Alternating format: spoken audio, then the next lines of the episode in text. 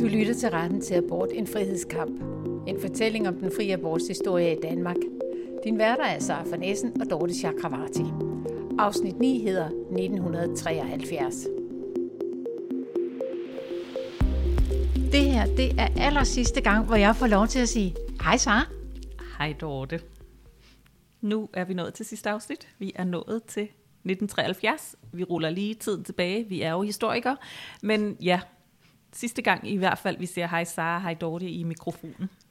Vi øh, har jo talt en del om tidsånd i den her podcast, og hvis vi ikke har sat ord på det, så er det stadig det, vi har talt om. De her bevægelser, svingninger, hvad der sker øh, i de forskellige æraer i løbet af de her små 100 år, vi har beskæftiget os med, fra 1880'erne og nu til 1973, øh, hvor loven kommer.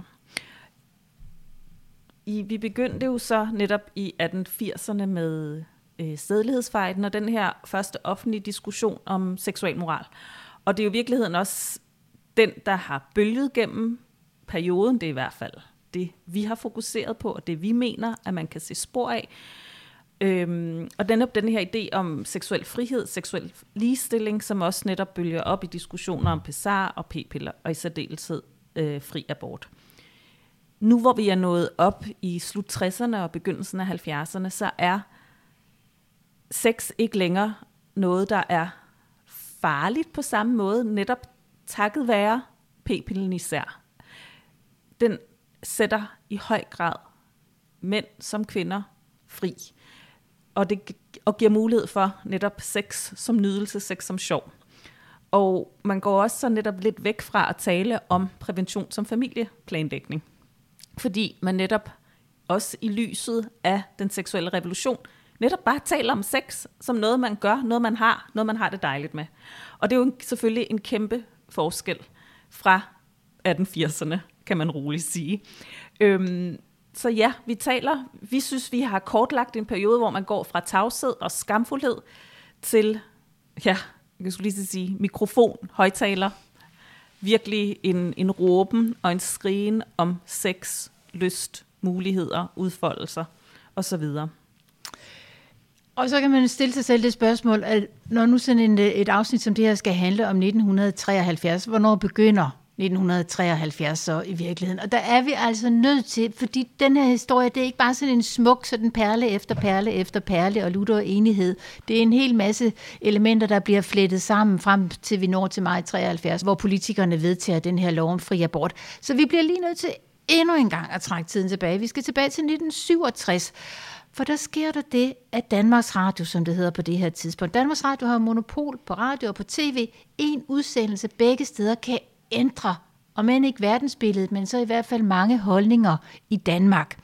Og øh, der kommer der i radioen det, der hedder et hørebillede. I dag der vil vi jo nok kalde det en dokumentar eller en feature, et eller andet andet. Men på en det podcast. Her, en podcast, ja lige præcis. Men i 67, der hedder det altså et hørebillede. Og det er øh, journalisten, der går ud i verden for at tale med nogle rigtig levende mennesker, der skal fortælle, hvad der sker derude. Og det her hørebillede, det bliver lavet af Willy Røgnert, og det er en dokumentar, lad os nu bare bruge det ord, som har et meget lidt mundrette titel, Let færdige kvindfolk som. Og det er fordi den titel, den refererer til noget gammel lovgivning om, hvad der skal ske med kvinder, som har sex uden for ægteskab. Det, den her udsendelse handler om, det er, som der øh, står skrevet i programmet på det tidspunkt, en udsendelse om teenage-lov og svangerskabslove. Det er unge mænd og kvinder, der fortæller om, hvordan de har gennemgået, øh, ikke mindst for kvindernes vedkommende, illegale aborter. Men, og det er det, vi skal høre, og jeg vil bare lige sige, det tager 3-4 minutter at høre ham her tale færdig. Der er jo også mænd, unge mænd, der er involveret i det her, og det her, det er en 17-årig mand, der fortæller.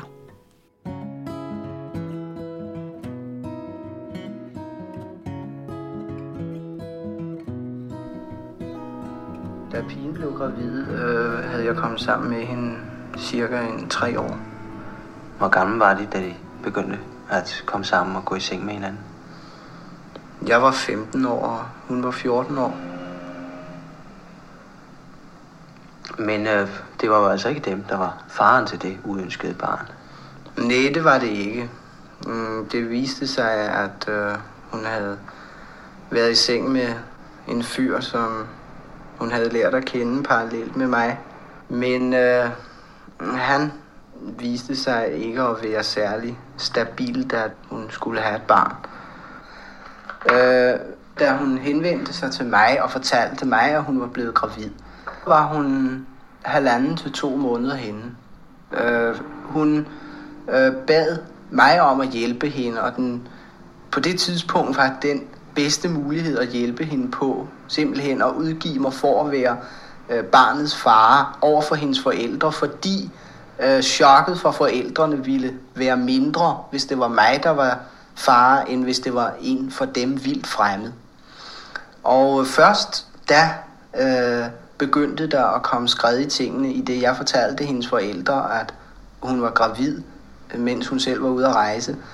Og så øh, samledes vi til et smukt gruppemøde og begyndte at lægge planer for, hvordan det skulle ske. Vi var alle sammen overbeviste om, at det skulle være en abort, hvis det på nogen mulig måde kunne. Det lykkedes så efter, at hun havde været til to læger, at få fat i en kvaksalver. Det vil sige, at vi fik ikke adressen, men kvaksalveren blev gjort opmærksom på, at der var kunder, og henvendte sig til os og tilbød at foretage et indgreb på pigen for mindst 300 kroner. Og øh, da indgrebet blev foretaget den pågældende aften med en øh, modersprøjte og en sæbevandsopløsning, var jeg ikke til stede. Cirka en time efter, at kvaksalveren var gået, øh, kom jeg til pigens bopæl, og øh, rigtig nok, som han havde sagt, begyndte vejerne at komme to-tre timer efter indgrebet var foretaget. De var, disse vejer var først ret øh, svage, men blev i løbet af aftenen og natten øh, mere og mere voldsomme. Og næste formiddag øh, gik forældrene på arbejde, mens jeg blev øh, hos pigen.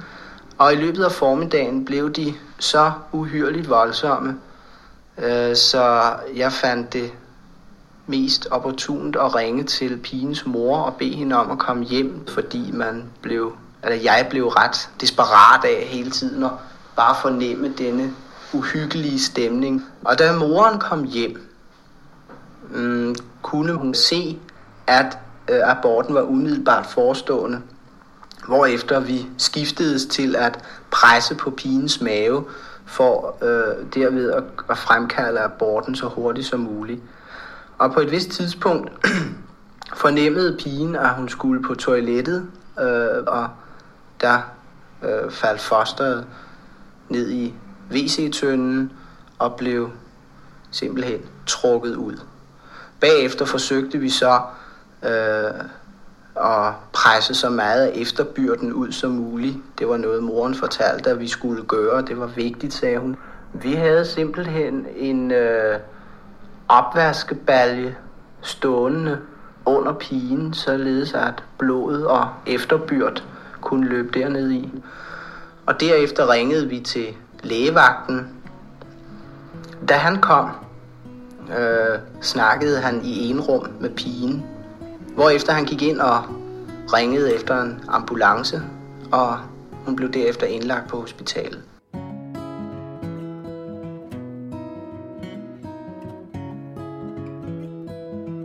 Den her dokumentar, det her hørebillede, sammenlagt med al den aktivisme, som vi blandt andet har talt om for ungdomskredsen og for individer og samfund, alt det her, det medfører altså, at SF, partiet SF, for allerførste gang, de kommer til at gøre det et par gange, men for første gang fremsætter et lovforslag om, at der skal være fri abort i Danmark. Det kommer der ikke. Til gengæld så vælger man fra politisk side at nedsætte en svangerskabskommission, for man bliver simpelthen nødt til at se på den her problematik illegale aborter. For den historie, vi lige lyttede til, det handlede jo ikke om møderhjælpen. Det handlede ikke om abortrejser. Det handler om noget med nogle læger og kvaksalver og gør det selv om modersprøjter. Det her, det skal der ryddes op i. Og børn, vil jeg nærmest have lov at sige. Han er 17 år, da det her foregår, ikke?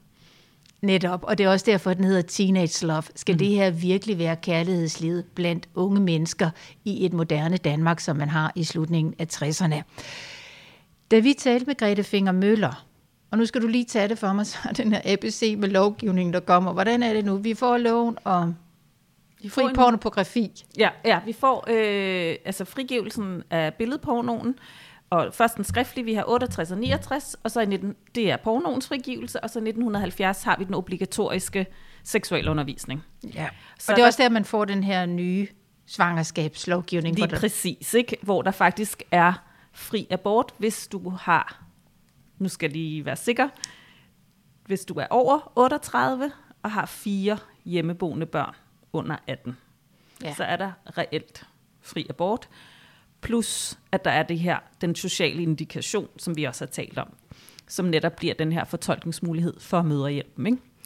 Og den her skal vi næsten kalde det treenighed af seksuallove, den får jo altså kæmpe indflydelse på samfundet selv sagt, og det betyder jo altså så blandt andet, at nu bliver der obligatorisk undervist i den danske folkeskole. Og du har fundet den mest vidunderlige film frem fra 1972 om præventionsmetoder. Øh, vi kan desværre ikke se den. Jeg vil anbefale alle, vi lægger link til det her på Instagram, mm-hmm. at man går ind og ser den. Altså ikke mindst den pegepind, så den her seksuel vejleder er udstået. Det er fantastisk. Og det er jo også det, der er altså helt fantastisk. Der er jo nok ikke nogen selv, øh, man behøver ikke være lige så gammel som os til at huske, ligesom hvor pinagtigt seksuel, altså hvor pinagtigt det var at sidde der i klassen og få den der seksuelle undervisning, som faktisk heller ikke, altså den er ikke, øh, der er ikke sat timer i til den, så det er også det, der er lidt vigtigt. Det, er ligesom, det skal ligesom være del af noget andet undervisning. Og den er obligatorisk, men der er ligesom ikke sat timer i til den, så det er også ligesom en vigtig pointe. Og, øhm, ja, og det er jo noget, der har været til debat, og fortsat er til debat, øhm, hvordan den her seksualundervisning overhovedet skal forløbe. og jeg bliver simpelthen nødt til at undskylde, at jeg ikke være med at grine, og det er virkelig ikke over emnet, det er simpelthen bare over filmen, når man ser de her børn, de ser fuldstændig vildt ud. De ser fuldstændig vildt ud, og det her igen med, hvorfor fanden, pardon my friends, skulle man sidde og puste kondomer op, ikke? Altså, hvad, hvad hjælper det? Altså, det er jo virkelig, virkelig vanskeligt at tage det alvorligt. Så man sidder med sådan nogle kondomballoner og vifter med dem. Altså, hvad, hvad fanden har det med sex at gøre og samleje at gøre? Det er i hvert fald svært at ligesom se det lighedstegn. Men det er i hvert fald et probert forsøg, og nu tror jeg, at vi skal lade være med at fnise så meget over den her film. Øh, vi tager kun lydsporet, men som sagt, gå ind og se den, og måske har du også noget at grine af. Og lige netop det, der bliver undervist i nu, det er kondomet.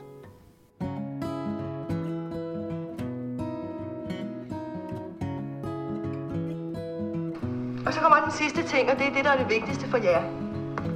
Lige der nogen her. Der står plan kondomer. Og i sådan en æske, der er der tre styks.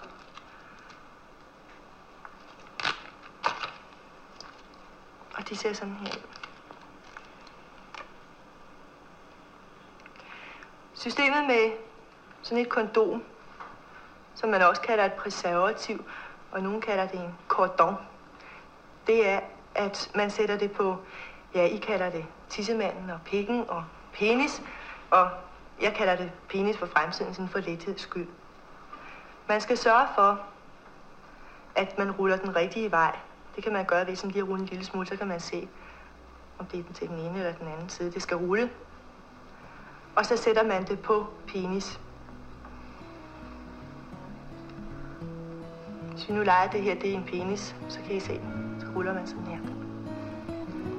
Og det skal man gøre forsigtigt for ikke at ødelægge det her meget, meget tynde gummi.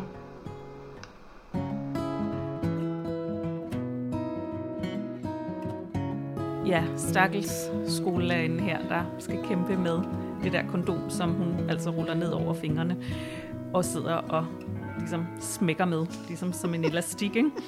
Det kan ikke have været nemt. Det er faktisk en film fra Foreningen for Familieplanlægning, som, vi, øh, som faktisk var Agnete Brastrup, som vi har talt om i et øh, tidligere afsnit, hende fra Kvindelig Lærers Klub.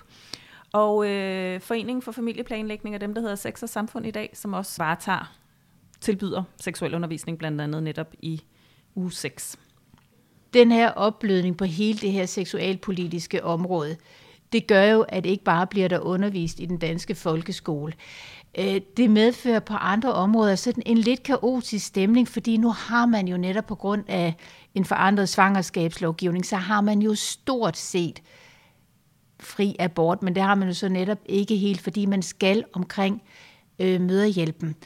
Og møderhjælpen, som jo var sat i verden for at hjælpe mødre, gifte eller ugifte, til at komme godt igennem deres graviditet, til at komme godt igennem deres moderskab, de står lige pludselig og bliver sådan en slags abortkontor. Altså det nærmest vælter ind ad dørene med kvinder, som ønsker at få foretaget en abort, og så skal de her ansatte socialrådgiver sidde og stille alle hånde spørgsmål om, om det nu er ret og rimeligt, og de skal gøre det ind i forhold til et stykke lovgivning, som er om muligt en noget nær fri boldbane, hvor man kan tale sig ind i, at man har sociale problemer, man har økonomiske problemer, man har boligproblemer, man har alle hånde problemer. Det var slet ikke det, der var meningen med møderhjælpen. Og der er også mange af de ansatte, der er i møderhjælpen, det var slet ikke det job, de signede ind til. Så lige pludselig er der nogle af de ansatte, der selvfølgelig begynder at rådgive og hjælpe i henhold til lovgivning, men også være rimelig, lad os bare sige, lus med det her. Og det betyder, altså et sted i Danmark som i Randers, der kan man søge til møderhjælpen, og der er de meget, meget fleksible. Der giver de stort set adgang til en abort på enhver henvendelse. Så det her, vi har talt om tidligere med at have abortrejser til Berlin og til Østeuropa og, og til London, lige pludselig kan man begynde at rejse rundt i Danmark.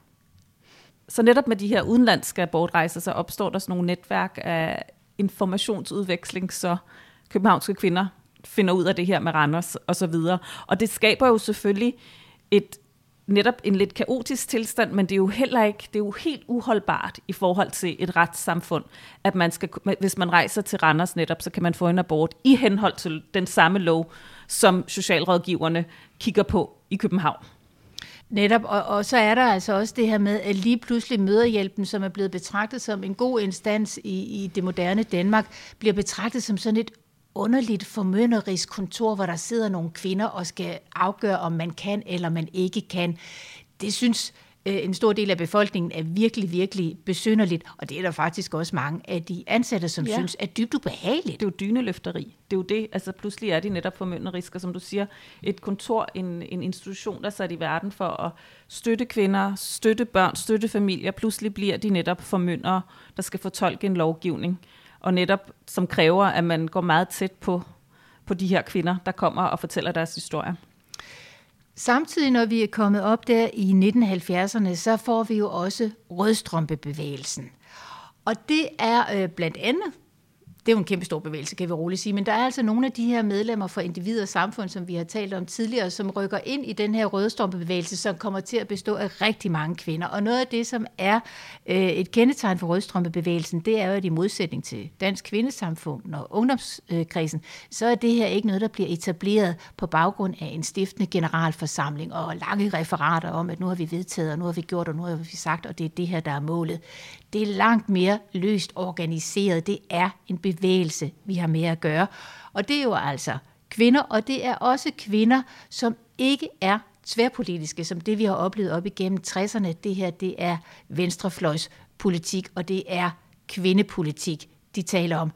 Og de griber jo den her bold, der er sat i spil med aktivisme. De holder abortuger, de laver abortgrupper, de holder demonstrationer, de udgiver pamfletter, og de kommer med opråb. Altså, nu ligger aktivismen hos dem, og kampen for den frie abort bliver selv sagt en rigtig vigtig del af rødstrømmernes kamp der i begyndelsen af 70'erne. Og det interessante ved det her er jo også, at en ny generation af kvindelige politikere er rykket i Folketinget. Så det her med, at det er oprør og modstand og revolution, det er jo lidt, billedet forandrer sig på det her tidspunkt, fordi netop, at der er kvinder, der sympatiserer med det her, der bliver medlem af Folketinget. Så der kommer netop den her nye generation, der bliver etableret. Det bliver også komilfo. Det er ikke kun udflip og autoritets, kamp mod autoriteterne, fordi faktisk sidder der nu folketingsmedlemmer, der har tæt kontakt med de her grupper. Øhm, blandt andet hele dagen. Og det kan man læse helt åbent i nogle af de her rødstrømpeblade og så videre. Så der bliver også ligesom et parløb herfra, at det er gået fra at være en stærk modkultur, antiautoritet og alle de her ting. Det er det jo stadig, men der er bare stadig, der er pludselig også repræsentanter i Folketinget. Og øh, i, når du nu taler om det her med det politiske landskab, så er der jo altså også en modbevægelse, og der er Kristeligt Folkeparti, som bliver stiftet i forbindelse med, at vi får loven i Danmark omkring øh, frigivelsen af pornografien. Og øh, modbevægelsen, helt kort fortalt, det er ud over Kristeligt Folkeparti, og de bliver mere og mere talstærke, kan vi bare sige, op igennem 70'erne. Det er jo selvfølgelig øh, kristne, det er kirkelige kræfter, og så er der også meget øh, stærke konservative samfunds kræfter. Og det, der er ved den her modbevægelse, det er, at de griber jo egentlig også til aktivisme. Øh, der kommer også pamfletter, der kommer også øh, demonstrationer og, og læserbrev, så, så de står ikke bare på, på fløjen og kigger på med forfærdelse, de går også i gang. Og det er også ret vigtigt at få sagt, der er også en ungdomsbevægelse herinde. Når vi taler øh, det kristne landskab, så er der dem, der hedder Unge Hjem, som er unge kristne. Og de er modstandere af alt det, der sker i samfundet på det her tidspunkt, blandt andet altså udsigten til en fri abort. Og det, man er bange for, det er jo frygten for det ukendte. Det er frygten for det, vi har talt igennem alle de her afsnit. Det er seksualmoralen. Hvad vil der ske? Vil de unge nu begynde at gå, i mo- gå amok i, i sex og blive gravide og begynde at bruge abort som prævention? Og, altså, det er det her landskab, som man jo... Altså, i og for sig er det jo en fuldstændig reel frygt, for man ved ikke, hvad man går ind i. Men det, man frygter, er jo det absolut værste. Og vil jeg så også tilføje en meget stor mistillid til både unge, men også i særdeleshed kvinder, til at de kan administrere alt det her. Ja, lige præcis. Altså netop vil man bare bruge aborten som prævention, og vil, man, vil det ligesom også resultere i, at familien, som vi kender den, går i opløsning. Og man kan jo sige, at den her debat, den her kulturkrig, som sådan set stadig kaster lys eller skygge, det er afhængigt af, hvordan man ser på det i dag, øhm, netop de her normskred, der foregår på det her tidspunkt, som jo netop i høj grad handler om seksualmoral, fordi seksualmoral moral også handler om familieværdier. Og netop frygten for, at familien, som vi kender den, går i opløsning. Og der er også et sidste element, som modstanderne taler meget om, og det er selv sagt det ufødte barn. Fosteret, det levende væsen. Hvem skal beskytte det? Hvem skal beskytte det ufødte barns rettigheder? Og det er altså en kamp, som, som de tager.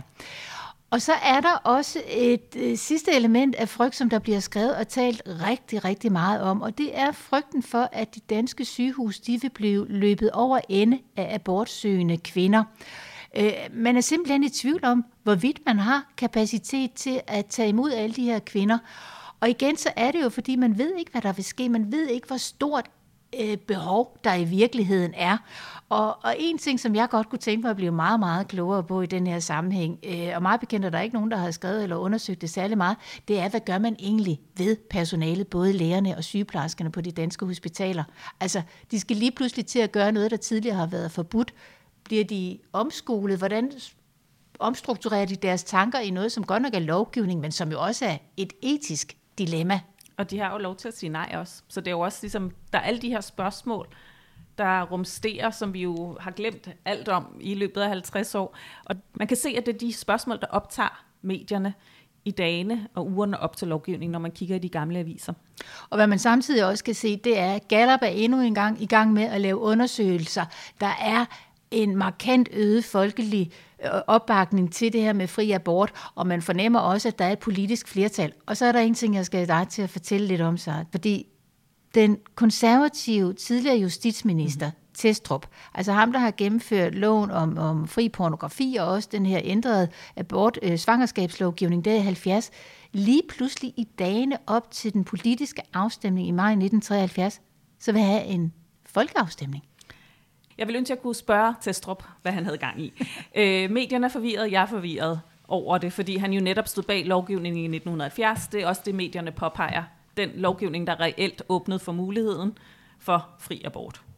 Og Testrup kommer ikke i mål med sit ønske om en folkeafstemning, men det er simpelthen bare, bare med til at tegne billedet af det her Danmark, hvor man godt kan se, at det går i en retning, men altså, der er virkelig mange meninger, og der er også mange stemninger. Og så kommer vi jo til den 24. maj 1973, og her ville det være meget, meget smukt, hvis vi kunne øh, afspille, hvordan det kom til at lyde i Folketingssalen. Det kan vi ikke. Vi kan bare sige, at øh, det går sådan, at det her det er til afstemning i Folketingssalen, så er der 96 folketingsmedlemmer, som stemmer for. Der er 56, der stemmer imod. Der er 17, som slet ikke stemmer. Og der er 11, der er fraværende. Og vil du ikke lige prøve at beskrive, hvad, hvordan det ser ud op på tilskuerrækkerne? Jo, der har vi præster i fuldt ornat, øh, og der er nogle fantastiske billeder i pressen, og vi hørte jo også Katalin beskrive sine følelser, da hun så de her præster. Hun ligesom skyndte sig ned og meldte sig ud af folkekirken. Men de sidder simpelthen og mumler og messer oppe på, på tilskuerrækkerne, øh, mens det her foregår nede i Folketingssalen. Og ved siden af dem, der sidder der jo så alle de her øh, unge mennesker, som i modsætning til præsterne er meget, meget glade og ikke mindst meget lettet over det, der sker. Øh, Danmark får sin lov om fri abort i maj 1973, men samtidig så kommer der jo også lige en anden lov, og det er loven om fri, man jeg lige vil sige, loven om sterilisation. Det er ikke længere noget, man skal søge om, det har det været hidtil, og det betyder, at mænd kan få adgang til at blive steriliseret. Det er ikke en lov, vi øh, taler så meget om, fejrer så meget, som vi gør med fri abort, og det kan man jo give en tanke, eller man kan lade være, men det er i hvert fald en del af den her lovpakke.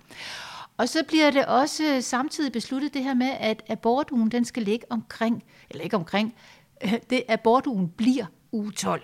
Og det, der er historien for det, det er, at man tilbage ved den her svangerskabslovgivning, som man øh, øh, øh vedtager i 1956, der ligger man, hvis kvinder søger om abort, så kan de få foretaget en abort frem til uge 16.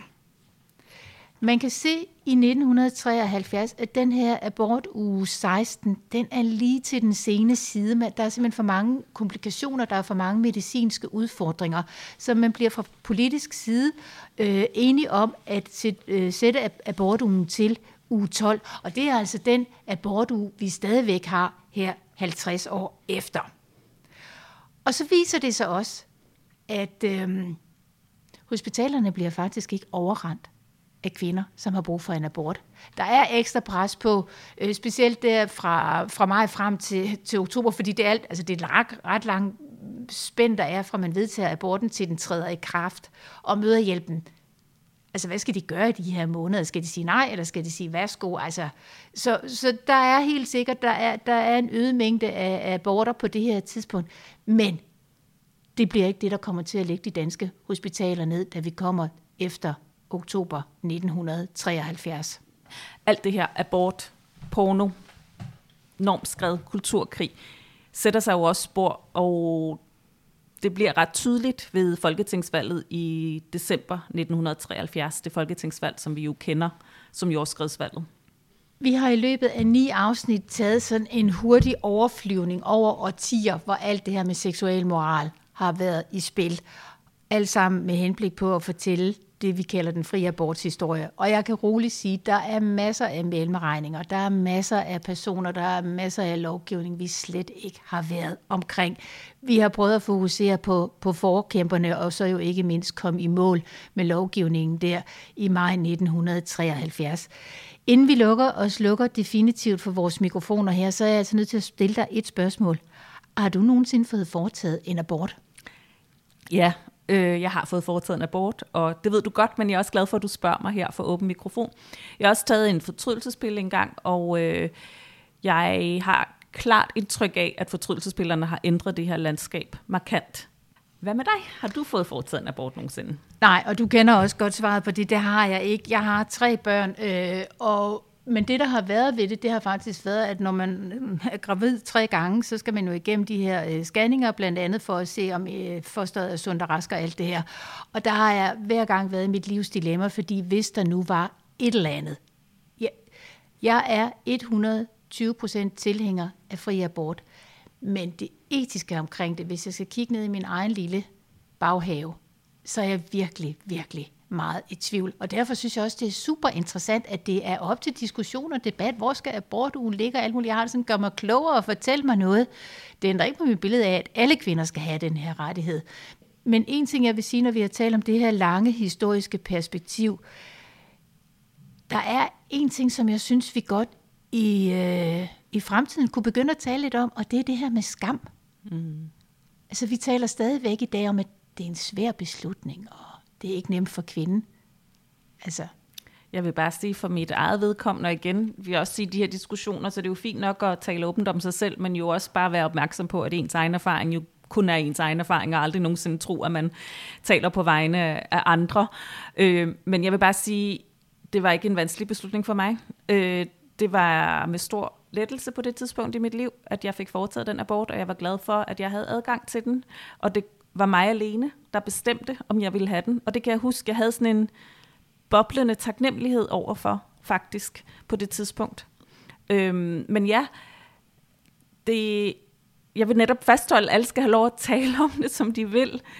Tale om deres egne erfaringer og bruge de ord om deres egne erfaringer, som de vil. Jeg vil sige, håbet med den her podcast er jo netop også, at man måske nu er, kommer jeg helt op på den store klinge, at man netop måske også får et sprog og en viden og en erf- måske endda en erfaring, hvad det sætter i gang, og lytte til det her, lytte til historien om forkæmperne, høre, hvordan det var i gamle dage, eller i hvert fald, hvordan det var i de gamle dage, som vi har valgt at fortælle om de gamle dage. At det netop også åbner for en samtale og en mulighed for at tale om de her ting fortsat. Netop den demokratiske samtale. Det lyder så flot, men helt ærligt, ja. Det er den, vi gerne vil åbne op for. Det håber jeg. Vi har, gjort, vi har i hvert fald gjort et forsøg i løbet af de her ni afsnit. Til dig, der har været med fra begyndelsen og frem til nu, vi vil sige tusind tak for alt den tid, du har investeret i det her. Og hvis du synes, der er nogen grund til det, så skal du endelig bare dele den her serie. Og jeg vil også sige afslutningsvis, vi har sagt det mange gange, vi skal gentage det igen, vi har jo en Instagram-profil, der hedder Abortåret, og der vil man altså her i løbet af 2023 kunne følge med. Man vil kunne se nogle af alle de her bøger, vi har brugt. Man vil kunne se billeder af noget af alt det, vi har talt om. Men der vil også være en masse ekstra materiale. Og dermed, så er det slut. Vi skal bare ud og fejre 50-året her i 2023. Du har lyttet til Retten til Abort, en frihedskamp. Din værter har været Sara Fornessen og Dorte Chakravarti, og det er os, der har tilrettelagt og produceret.